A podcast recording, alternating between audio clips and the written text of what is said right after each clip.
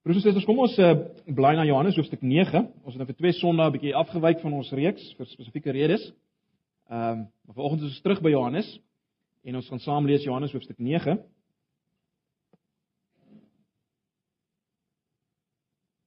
Ons bid net saam. Ag Here Jesus, so wonderlik is dit om U te uh, lof te besing, om U so te aanbid. Nou is ons begeerte maar net dat U met ons sal praat.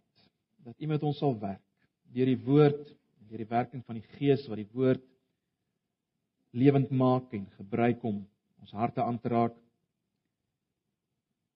Ag Here, ons oos regtig op U, ons verwagting is van U. Dat U in ons midde sal beweeg en dat U die woord sal toepas op ons lewens dat dit ons waarlik sal verander. Ons manier van dink sal verander. Ons manier van optree sal verander. Sodat ons lewens, Here, aanbidding van U sal wees en kan wees. Dis waarvoor ons hier is. Geen ander rede nie, Here. Ons wil hê dat U ons sal verander deur U woord sodat ons U kan aanbid, want U is dit waardig. Kom doen dit vir ons vanoggend asseblief, Here. Ons bid maar net Here vanoggend vir elkeen wat nie hier kan wees nie. U ken al die smarte in ons gemeente, al die swaar kry. Wil U ook naby hulle wees en ook hulle bemoedig en versterk. En Here, wil U ons ook so versterk vanoggend en bemoedig sodat ons hulle weer kan bemoedig en versterk deur U woord. Asseblief. Ons vra dit van U, Here. Ons is afhanklik van U. Kom, kom werk. Ons vra dit in Jesus se naam. Amen. Johannes hoofstuk 9. Ehm um, nou ek het gedink om vanoggend maar die hele gedeelte te lees. Kom ons lees maar die hele Johannes 9 want ons ons gaan uh in 'n sin die hele hoofstuk 9 hanteer. Is is daarom nie so lank soos van die ander hoofstukke nie. Kom ons lees die hele Johannes 9 deur. Ehm um, Ek dink dan is dit ook makliker om om my te volg want dan het julle die hele draad. Uh kom ons lees vanaf vers 1 Johannes 9. Ek gaan maar lees uit die 83 vertaling. Terwyl Jesus wegstap, sien hy 'n man wat van sy geboorte af blind was. Sy disippels vra hom toe: "Rabbi, deur wie se sonde is dit dat hierdie man blind gebore is? Sy eie of sy ouers se?" En Jesus antwoord: "Dit is nie deur sy eie sonde nie en ook nie deur sy ouers se nie, maar hy is blind sodat die werke wat God doen in hom gesien sal uh gesien sal kan word." Die 53 vertaling sê die werke van God moet in hom openbaar word, né? Nee. Vers Solank as dit nog dag is, moet ons die werk doen van hom wat my gestuur het. Die nag kom wanneer niemand kan werk nie. Terwyl ek in die wêreld is, is ek die lig vir die wêreld. Nadat hy dit gesê het, spoeg hy op die grond en maak die spoeg op uh, met 'n bietjie klei aan. Toe smeer hy die klei aan die man se oë en sê vir hom: "Gaan was jou in die Siloombad." Siloom beteken die een wat gestuur is. Hy het gegaan om gewas en toe hy terugkom kon hy sien.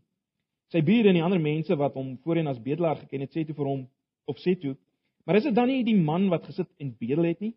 Party van hulle het gesê dit is hy. Maar party het gesê nee, hy lyk maar net soos daardie man. Dit is ek, het hy self gesê. Hulle vra toe vir hom, maar hoe het jou oë dan reggekom? En hy antwoord, die man met die naam Jesus het 'n bietjie klei aangemaak en dit aan my oë gesmeer en vir my gesê, gaan na die uh, gaan na Siloam toe en was jou. Ek het gegaan en my gewas en ek kon sien. Waar is hy nou vra hom toe? Ek weet nie wat sy antwoord. Daarna die mense die man wat eers blind was na die Fariseërs toe gebring. Dit was op 'n Sabbatdag dat Jesus die klei aangemaak en die man se oë genees het. Die Fariseërs het hom ook weer gevra hoe dit gekom het dat hy kan sien. Hy het hulle geantwoord: "Hy het klei op my oë gesit en ek het my gewas en nou sien ek." Party van die Fariseërs sê toe: "Hierdie man kom nie van God nie, want hy hou nie die Sabbatdag nie." Maar van die ander het gesê: "Hoe kan iemand wat 'n sondaar is sulke wondertekens doen?" En daar was verdeeldheid onder hulle. Hulle sê toe weer vir die man wat blind was: Wat sê jy van hom? Hy het mos jou oë genees. Hy is 'n profeet, het hy geantwoord. Die Jode het nie geglo dat die man blind was en nou kon sien nie, totdat hulle sy ouers geroep het en vir hulle gevra het: "Is dit nie julle seun van wie julle beweer dat hy blind gebore is? Hoe sien hy dan nou?" Ons weet dat hy ons seun is en dat hy blind gebore is, het sy ouers geantwoord. Maar hoe hy nou sien, weet ons nie. En wie sy oë genees het, weet ons ook nie vir homself, hy's oud genoeg, hy kan vir homself praat. Sy ouers het dit gesê omdat hulle bang was vir die Jode want die Jode het toe al klaar met mekaar afgespreek dat iemand wat openlik verklaar dat Jesus die Christus is, uit die sinagoge geban sal word. Daarom het sy ouers gesê hy is oud genoeg vir homself. Die Jode het toe die tweede keer die man wat blind was geroep en vir hom gesê: "Gee die eer aan God. Ons weet hierdie man is 'n sondaar." Daarop het hy gesê of hy 'n sondaar is, dit weet ek nie. Een ding weet ek wel, ek was blind en nou sien ek. Hulle sê toe vir hom: "Wat het hy met jou gemaak? Hoe het hy jou oë genees?" "Ek het julle mos al vertel, julle het nie geluister nie," antwoord hy. "Hoekom wil julle dit weer hoor? Julle wil tog nie ook disippels van hom word nie?" Toe skel hulle hom uit en sê: "Jy is 'n disipel van hom. Ons is disippels van Moses. Ons weet dat God met Moses gepraat het. Maar hierdie man, ons weet nie waar hy vandaan kom nie." Dis daarom snaaks, sê hy daarop vir hulle: "Julle weet nie waar hy vandaan kom nie en tog het hy my oë genees. Ons weet dat God nie na sondaars luister nie, maar as iemand vir hom ontsag het en doen wat hy wil hê, luister God na hom." Van ewigheid af is daar nog nooit gehoor dat iemand die oë van een wat blind gebore is genees het nie. As hierdie man nie van God was nie, sou hy niks kon doen nie. Hulle sê te hom: Jy is van jou geboorte af die ene sonde en wil jy ons staan en leer en hulle het hom uitgeban. Vers 35 Jesus het gehoor dat die Jode die man uitgeban het en toe hy hom kry, vra hy vir hom: "Glo jy in die seun van die mens?" Hy het geantwoord: "Wie is dit, meneer, sodat ek na hom kan glo?" Jesus het vir hom gesê: "Jy sien hom, dit is hy wat met jou praat." Die man sê toe: "Ek glo, Here." En hy het hom aanbid. Toe sê Jesus: Ek het na hierdie wêreld toe gekom om die mense voor 'n beslissing te stel sodat die wat nie sien nie kan sien en die wat sien kan blind word. Party Fariseërs wat by hom was, het dit gehoor en hom gesê: "Ons is mos nie blind nie." Jesus antwoord hulle: "As julle blind was, sou julle nie skuldig gewees het nie. Maar nou sê julle ons sien, daarom bly julle skuldig."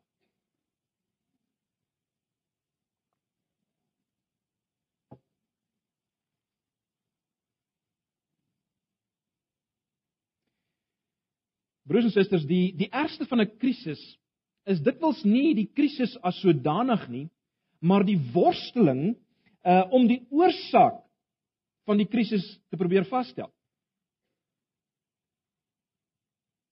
In ander woorde, wat het ek of wat het ons verkeerd gedoen?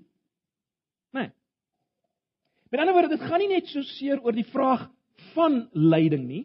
Uh, ek dink ons ons almal uh is min of meer bewus daarvan dat lyding, swaar kry, smarte uh het alles te maak hou verband met die sondeval. So so dit gaan nie altyd net oor die oor die verskynsel daarvan. Dit gaan oor die die manier waarop lyding, swaar kry, worsteling in die wêreld verdeel word, né? Nee. Dis dikwels ons groot vraag, ons groot krisis. Die manier waarop lyding in die wêreld verdeel word. Met ander woorde, om dit anders te stel, die spesifieke keuse en tydsberekening. Die spesifieke keuse en tydsberekening waar volgens God hierdie lyding, swaar kry, moeilikheid toelaat. Dis ons worstel. Waarom nou juis ek Waarom nou jy's ek? Nee. Waarom die ongelyke verspreiding van uh van swaar kry, ellende, lyding? Jy sien die die vraag hier in Johannes 9, die vraag oor hierdie blinde man wat ons in vers 2 kry. Die vraag oor hierdie blinde man is is baie aktueel, is dit nie? Die vraag in vraag in vers 2. Want basies is daai vraag die waarom vraag, nê? Nee, Waar, waarom? Wie, wie het gesondig? Dit is geweldig aktueel vir ons, nê? Nee. Want dis dis dis ons vraag ook dikwels. En daarom wil ons as te ware by wyse van spreek 'n bietjie nader staan en en hoor, maar wat sê Jesus? Hoe gaan hy dit antwoord? Hoe gaan hy hierdie ding antwoord? Want ons vra vra broers en susters. Ons vra vra, nê? Nee. Ons vra vra oor oor siektes oor misdaad. Uh oor ongeluk, moorde. Persoonlike leed, dood van geliefdes. Ons vra vra oor ons ons eie toestand van geestelike dorheid en doodsheid, die sogenaamde dark night of the soul waarvan die ou skrywers gepraat. Ons ons vra vrae oor. Ons vra vra oor ons gemeente. Waarom gebeur sekere dinge? Sekere krisisse, finansiële probleme, oneenighede ensovoorts. Ons vra vra. Waarom? Nou, die eienaardige in hierdie gedeelte in Johannes, sou julle opgelet het, het uh is dat Jesus antwoord nie werklik die vraag in vers 2 nie. Die vraag wat hulle vra, is hulle vra maar, maar wie het nou gesondig? Hy antwoord nie hierdie vraag nie. En dit is 'n bietjie vreemd vir ons, nê? Nee. Want want ons as mense jy weet ons voel altyd daar moet 'n rede wees. Instinktiewelik, nê? Nee, daar moet 'n rede wees. Daar moet 'n skuldige wees. Daar moet 'n skuldige wees. En in baie godsdienste werk dit so, nê? Nee, daar daar's altyd baie duidelike skuldige een. Maar julle is opgelet dat Jesus gaan nie op in hierdie vraag nie, né? Nee. Uh dis asof sy antwoord impliseer dat die vraag verkeerd gestel is, né? Nee. Sy antwoord impliseer dat die vraag verkeerd gestel is. En daarom sê Jesus, wel, nog hy nog sy ouers het gesondig.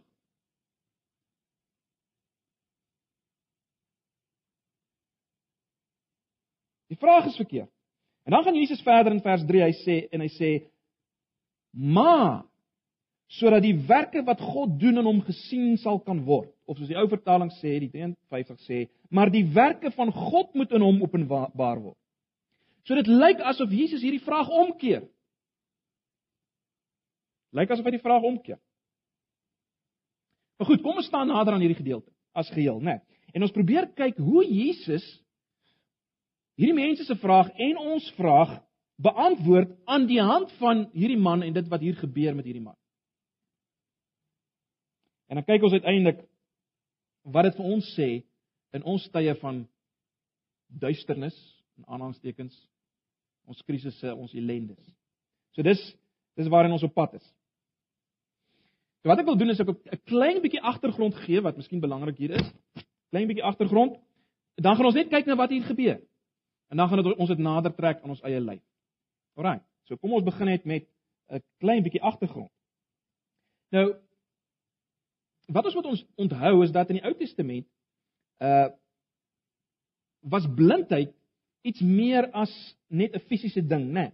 Blindheid in die Ou Testament is gebruik as 'n as 'n metafoor as jy wil om om om geestelike mislukking te beskryf, totale geestelike mislukking te beskryf. Dis hoe blindheid in die Ou Testament gebruik is. Dis 'n sleuteltema byvoorbeeld in Jesaja, julle sou dit waarskynlik al raak gesien het, né? Nee. Ehm um, blindheid is 'n teken van die weiering om om God te sien en te glo vir wie hy is. Kyk maar na Jesaja 29, Jesaja 42 en so meer. En dit is baie interessant, God verblind die wat rebelleer op 'n geestelike wyse verblind hy hulle in oordeel. Gaan kyk na Jesaja 6, dan sal julle dit ook daar sien. Hy gaan mense blind maak. Jy sien dit, dis 'n geestelike blindheid waarvan hy praat. En dan baie interessant, uh, is daar al 'n deurskemering in Jesaja dat dat hierdie blindheid, hierdie blindheid waarvan Jesaja praat, sal genees word deur die Messias as hy gaan kom, né? Nee. Dit skemer ook baie duidelik deur in die boek Jesaja. Uh gaan lees maar weer Jesaja 29, 32, 35 en so voort. Uh en so voort, 42 ook. So wat ons baie duidelik moet verstaan as ons nou na hierdie gedeelte gaan, ons moet verstaan dat Jesus se genesing hier is weer eens iets meer as net 'n fisiese genesing op die oppervlak. Ons moet verstaan hier's weer eens iets meer aan die gang. Dis weer eens 'n teken. Onthou julle ons het al baie vir mekaar gesê in Johannes is Jesus se wonderwerke tekens. Né? Nee, dis nie magstuurtjies nie. Dit staan vir iets, vir iets anders en vir iets meer. En dit bring ons nou by ons tweede punt, né? Nee, kom ons kyk na wat hier gebeur in hierdie gedeelte. En kom ons kyk spesifiek na wat gebeur nadat Jesus hierdie man se oë nou genees het, né? Nee, hy het uh, klei gemaak, hierdie man se oë aangeraak en hom genees. Kom ons kyk 'n bietjie en en en as ons hierna kyk, kyk spesifiek wat in hierdie man gebeur en en rondom hom gebeur, né? Nee, dis wat ons moet probeer raak sien. So ons gaan net so vinnig 'n gevoel vlug maak oor hierdie gedeelte om dit probeer raak sien. Nou vanaf vers 8 tot vers 38 kry ons verskillende reaksies, nê, nee, op op dit wat nou gebeur het. Op hierdie teken wat Jesus gedoen het. In vers 8 tot 12 soos julle gesien het, is daar 'n 'n onderhoud met die blinde man se bure. Nou die belangrikheid van hierdie gedeelte is maar net om om te bevestig dat hier het 'n wonder plaasgevind. Die feit van die wonder.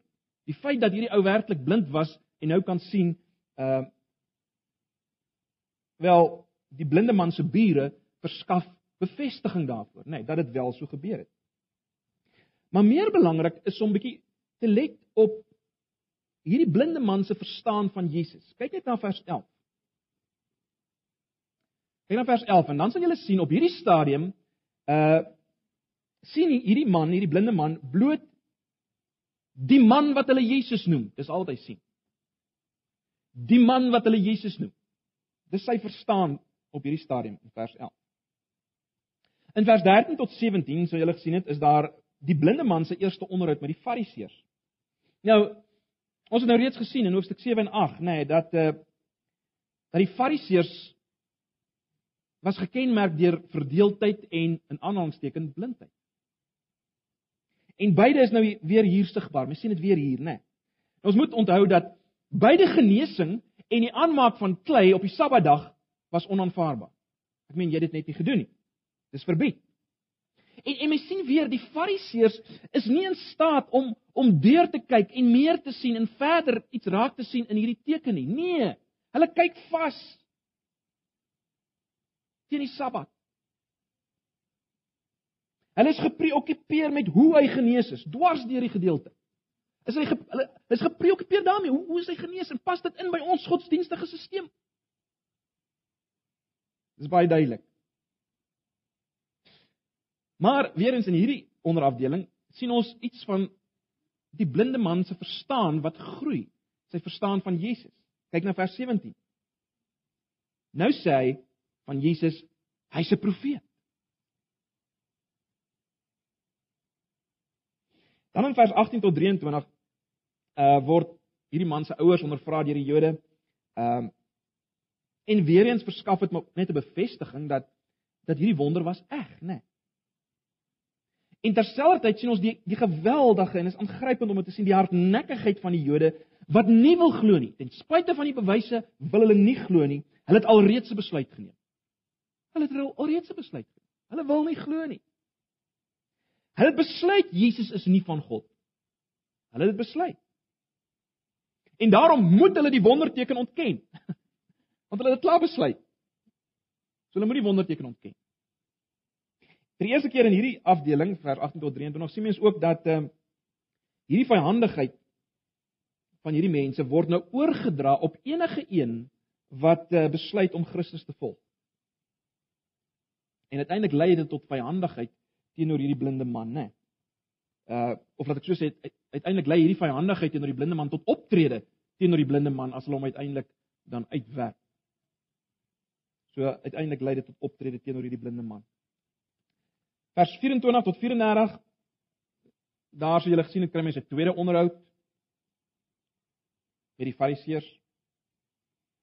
En hier is iets tragies, nê, nee, 'n tragiese ironie. Die Fariseërs weier om te sien wie Jesus werklik is en hulle moedig selfs hierdie man aan om God te verheerlik deur te sê dat Jesus 'n sondaar is. Nou dis laster.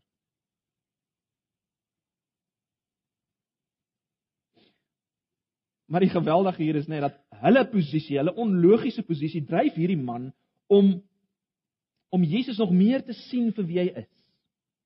Kyk na vers 33. As hierdie man nie van God was nie, sou hy niks kon doen nie. Hierdie hierdie blinde man begin sien dat Jesus van God is. Né? Nee. So daar's progressie weer eens by hom. Terwyl aan die ander kant, en jy moet dit raak sien, ons gaan net nou baie praat oor hierdie twee kante. Aan die ander kant, die hardheid en die bitterheid van hierdie, kom ons noem hulle nou al vals herders. In Hoofstuk 10 gaan daar meer gemaak word daarvan. Uh die hardheid en bitterheid van van hierdie ouens word bevestig deurdat hulle nou hom uit die sinagoge gooi, né? Nee. Hulle gooi hierdie man uit die sinagoge. En uh weer eens soos nou in die hele hoofstuk 5 tot 8 maak hulle daarop aanspraak uh dat hulle Moses se disippels is. Maar jy sou gesien het hoe hoe die blinde man as te ware spottenderwys deur dit alles sien, nê, en hy hy hy hy hy sien is 'n leë aanspraak. Maar goed, dis wat ons in vers 24 tot 34 sien. En dan in vers 35 tot 41. Dis 'n sleutelgedeelte. Hier kry ons as jy wil Jesus se verduidelikende onderhoud met die blinde man en die fariseërs in vers 35 tot 41. Nou, die eerste ding wat mense opval is, is hierdie herverskyning van die blinde man en en dit laat mense wonder uh hoekom was Jesus nie heeltyd in die rondom om te help nie? Dit lyk asof Jesus hom net genees het en hom gelos het. Hoekom was Jesus nie heeltyd daar by hom om hom te ondersteun in al hierdie debatte wat hy moes voer nie? Waar was Jesus? Hoekom het hy hom net gelos, nê? Nee.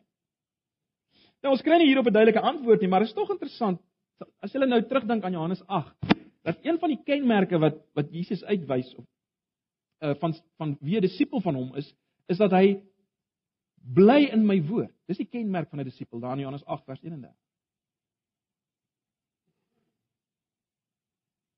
En dis wat gedemonstreer word deur hierdie blinde man, ten spyte van die teenkante. Uh verder word hier ook gedemonstreer deur deur dit wat hier gebeur dat as God 'n egte werk in jou begin het, wel, dan sal niemand jou uit sy hand ruk nie. Want dis wat Jesus hier in hoofstuk 6 gesê het. Is dit nie so nie? In Johannes 6 vers 39.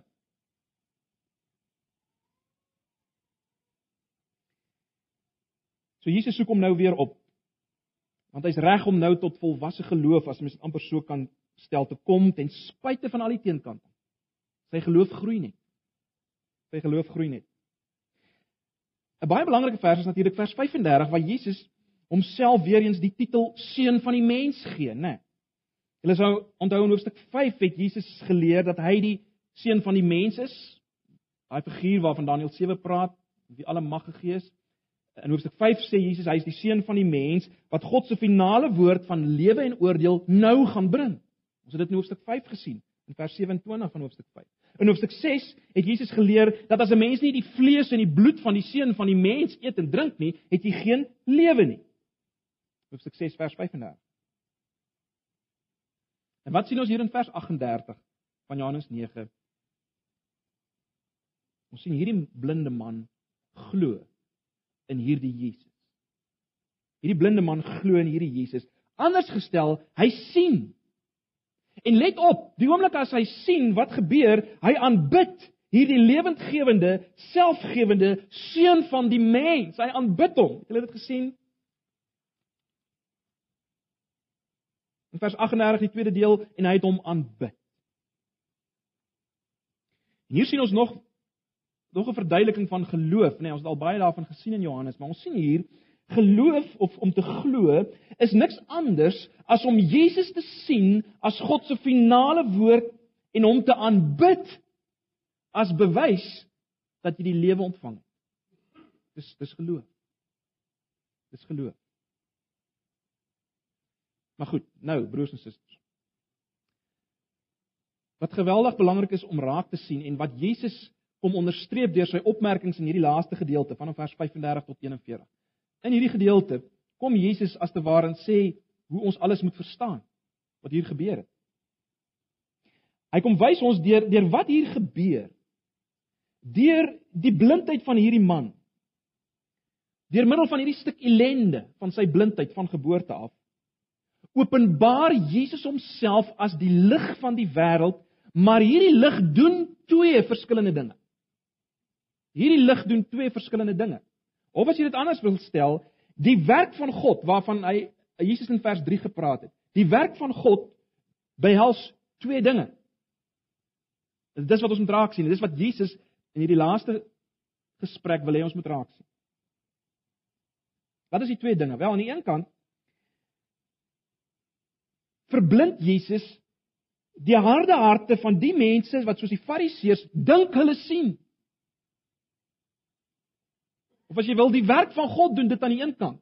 Mense wat dink hulle sien word verblind. Want hulle is in werklikheid blind.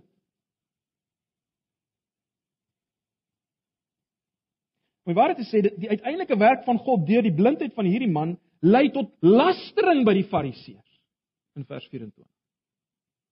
Die uiteindelike werk van God deur hierdie man lei tot lastering by die Fariseërs. Dis aan die een kant en aan die ander kant bring dit sig hierdie werk van God. Dit bring lig en uiteindelik bring dit aanbidding van wie Jesus werklik is.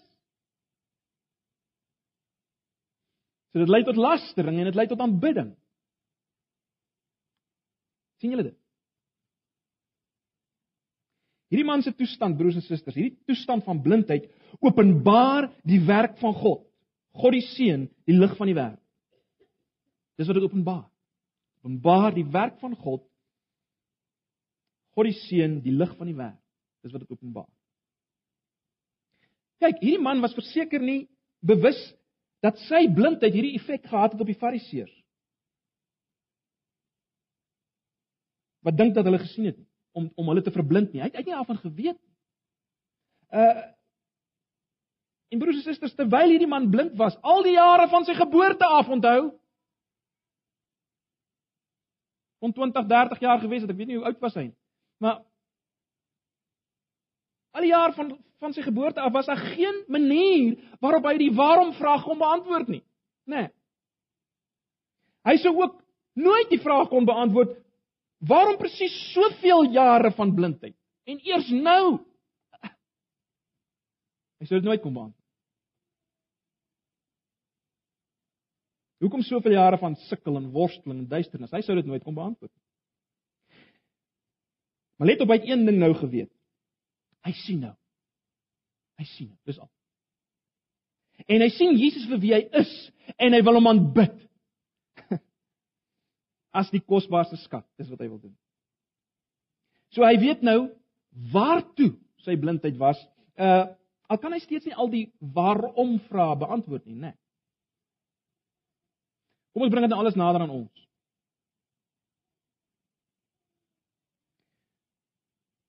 Hoekom wys Jesus hierdie waarom vraag af broers en susters? En en watter vraag moet ek en jy dan eerder stel binne ons krisisse in ons swaar kry binne die gemeente? Wel Waarom wys Jesus dit af? Omrede broers en susters, solank ek en jy vra hoekom het dit my oorgekom? En hoekom het dit my nou oorgekom? Solank jy dit vra, initieer jy al is dit verborge, initieer eh, in of nie initieer nie, insinieer jy, ekskuus. Insinieer jy wel ek verdien dit daarin. Ek verdien dit nie. Nee. En ek beweer ek dan ek ek weet hoe God vers, veronderstel is om te te handel. Dit kom neer op 'n verwyte, 'n kritiese beoordeling van God se handeling. Ek wil met God redekabel en argumenteer. Ek plaas God se gesonde oordeel, sy planmatigheid, sy orde, plaas ek onder verdenking. En dit is waarvan Jesus ons hier wil bewaar, broers en susters, deur sy opmerking in vers 2 en 3. Hy wil ons bewaar daarvan. Hoe moet ons dan die vraag stel? Wel is duidelik af te lei Jesus se antwoord, is dit nie? In Jesus se antwoord gee hy nie 'n oorsaak nie, maar 'n doelwit. sien julle dit? Hy gee nie 'n oorsaak van die blindheid nie, hy gee 'n doelwit. Hy kyk nie terug en spekuleer daaroor nie, hy kyk vorentoe. Hy kyk vorentoe. In ander woorde, die punt is ons moet nie vra na die oorsaak van dinge wat met ons gebeur nie, maar na die doelwit. Nie waarom nie, maar waartoe het dit gebeur? Dis uiters belangrik. En ons het nou die waartoe gesien, het ons nie? Ons het die waartoe gesien. En ons moet dit baie mooi raak sien broers en susters. Luister mooi, luister mooi. Alle donker tye het een doel. Alle donker tye, ook joune, het een doel, naamlik om die werke van God te openbaar. Vat dit. Dit beteken nie dat jou toestand jou fisiese siekte of jou toestand gaan verander of gaan of daar gaan genesing kom nie. Dit beteken dit nie, want onthou, hierdie fisiese genesing was 'n teken geweest. So alles gaan nie opgelos word nie. Maar wat beteken dit wel as ons sê die werke van God word deur alles geopenbaar? Wat beteken dit? Dit beteken, luister mooi. Maak nie saak in watter vorm van duisternis jy duisternis jy ver oggend is nie, watter vorm van lyding of swaar kry of worsteling nie. Hierdie hierdie ding, hierdie stuk gebrokenheid. Ja, ek wil dit waag om te sê selfs jou sonde.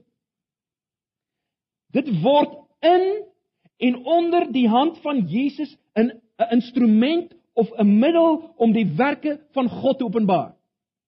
Vat dit. Sê dit weer. Jou stuk gebrokenheid, lyding, smart word in en onder die hand van Jesus 'n instrument om die werk van God te openbaar. Glo jy dit? En ons het nou gesien wat is die werk van God, né? Nee. Die werk van God is om aan die een kant die wat dink hulle sien, wat dink hulle sien sonder dat hulle Jesus aanbid. Die werk van God is om hulle te verblind. Aan die ander kant is die werk van God om die wat erken hulle sien nie, die wat erken hulle sien nie te verlig met die lig van die wêreld, Jesus Christus, sodat hulle hom sal aanbid. Sodat hulle hom sal aanbid.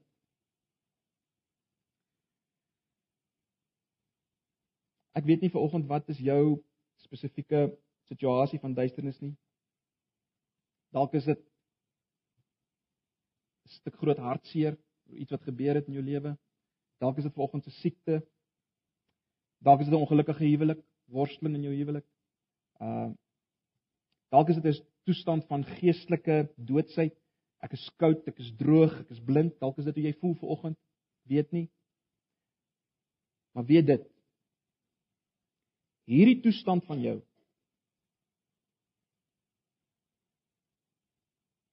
Hierdie toestand van jou het ten doel om jou te te bring tot aanbidding van Jesus. Om jou op 'n pad te vat soos hierdie blinde man op 'n pad gevat is om om duideliker en duideliker te sien wie Jesus is totdat jy hom sal aanbid. Dit moet jy vat. Dit moet jy vat volgens. Maak nie saak wat jou situasie is. Miskien is jy vanoggend in die toestand dat jy nog nooit na Jesus gekom het nie. Dalk is jy vanoggend so iemand wat nog nooit na Jesus gekom het uh en nooit met lewensveranderende geloof na hom gekom het. Wat hom nog nooit aanbid het en gekoester het nie. Dalk is dit jou toestand tog. Wel dan het jou situasie, jou toestand waarin jy sit, het en doel om jou vir die eerste maal tot aanbidding van Jesus te bring. En dalk is jy hier as iemand wat uh al jare lank 'n Christen is en Jesus aanbid, maar op die oomblik bevind jy jouself in 'n toestand van duisternis. Wel? Dan het jou situasie en jou toestand ten doel om jou tot hernuide aanbidding van Jesus te bring. 'n sien van Jesus. As gemeente. As gemeente, as ons dalk as gemeente voel wel ons sukkel, ons het dalk ons voel dalk ons het 'n plateau bereik. Uh daar's baie dinge wat vir ons voel nie heeltemal is soos dit moet wees nie. Wel, Kom ons los die waaroms, kom ons los die soek van sondebokke, kom ons vergeet daarvan. Kom ons weet dit. Jesus wil ons as gemeente, as Antipas bring tot 'n nuwe sien van hom, tot 'n nuwe aanbidding van hom. Dis wat ons moet weet. Nie waarom nie, maar waartoe? Moenie karring met die waaroms nie. Waartoe? Hy wil ons losmaak van van 'n wettiese foutvinderige godsdienst soos die van die Fariseërs. Dit was hulle probleem. Hy wil ons bring tot 'n ware sien van Jesus, die seun van die mens en tot regte aanbidding. Dis waartoe hy Antipas wil bring. Kom ons los die waarom. Luister mooi broers en susters, die werke van God word geopenbaar. Deur al hierdie dinge wat ek genoem het. Dit sal nie verander nie. Die werke van God word geopenbaar of dit gaan lei tot nuwe sig, tot 'n nuwe sien van wie Jesus werklik is en tot aanbidding van hom, en of dit gaan lei tot 'n blindheid van wie Jesus is terwyl daar geroem word op sig, in ander woorde eintlik tot lastering. Dit hang af. Of as ek so stel, die verskil word bepaal deur die erkenning van jou ware toestand. Dis die punt wat Jesus wil maak in daai laaste gedeelte. As hy sê in vers 39, ek het na hierdie wêreld toe gekom om die mense voor 'n beslissing te stel sodat die wat nie sien nie kan sien en die wat sien kan blind word. Dis die punt wat hy wil maak.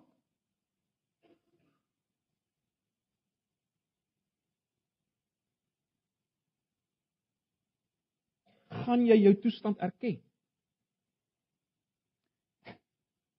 Is ons bereid daarvoor? Is jy bereid daarvoor? Is ons ons as gemeente bereid om te sê ons sien nie.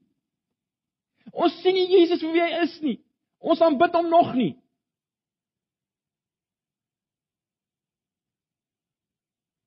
Dis dit wat ons gaan vra binne ons situasie, wat dit mag wees. Jou stuk worsteling, jou stuk lyding, jou stuk swaar kry. Gaan jy erken ek sien nog nie? Dit maak al die verskil, is dit nie? Dit maak al die verskil. Ek sluit af broers en susters met net met drie stellings wat ek hoop ons sal ons gaan bemoedig, jou gaan bemoedig as gemeente ons gaan bemoedig. Net drie stellings. Die eerste stelling is dit wat ons nou heeltyd oor gepraat het. God het 'n wyse Christus verhogende doel met alles wat met jou gebeur. Hoor jy hoor ons dit? Hoor ons dit? God het 'n wyse Christus verhogende doel alles wat met jou gebeur, ook die tye van geestelike droogte en van moedeloosheid, voel van mislukking, ook daarmee. Dis die eerste ding. Die tweede stelling is dit.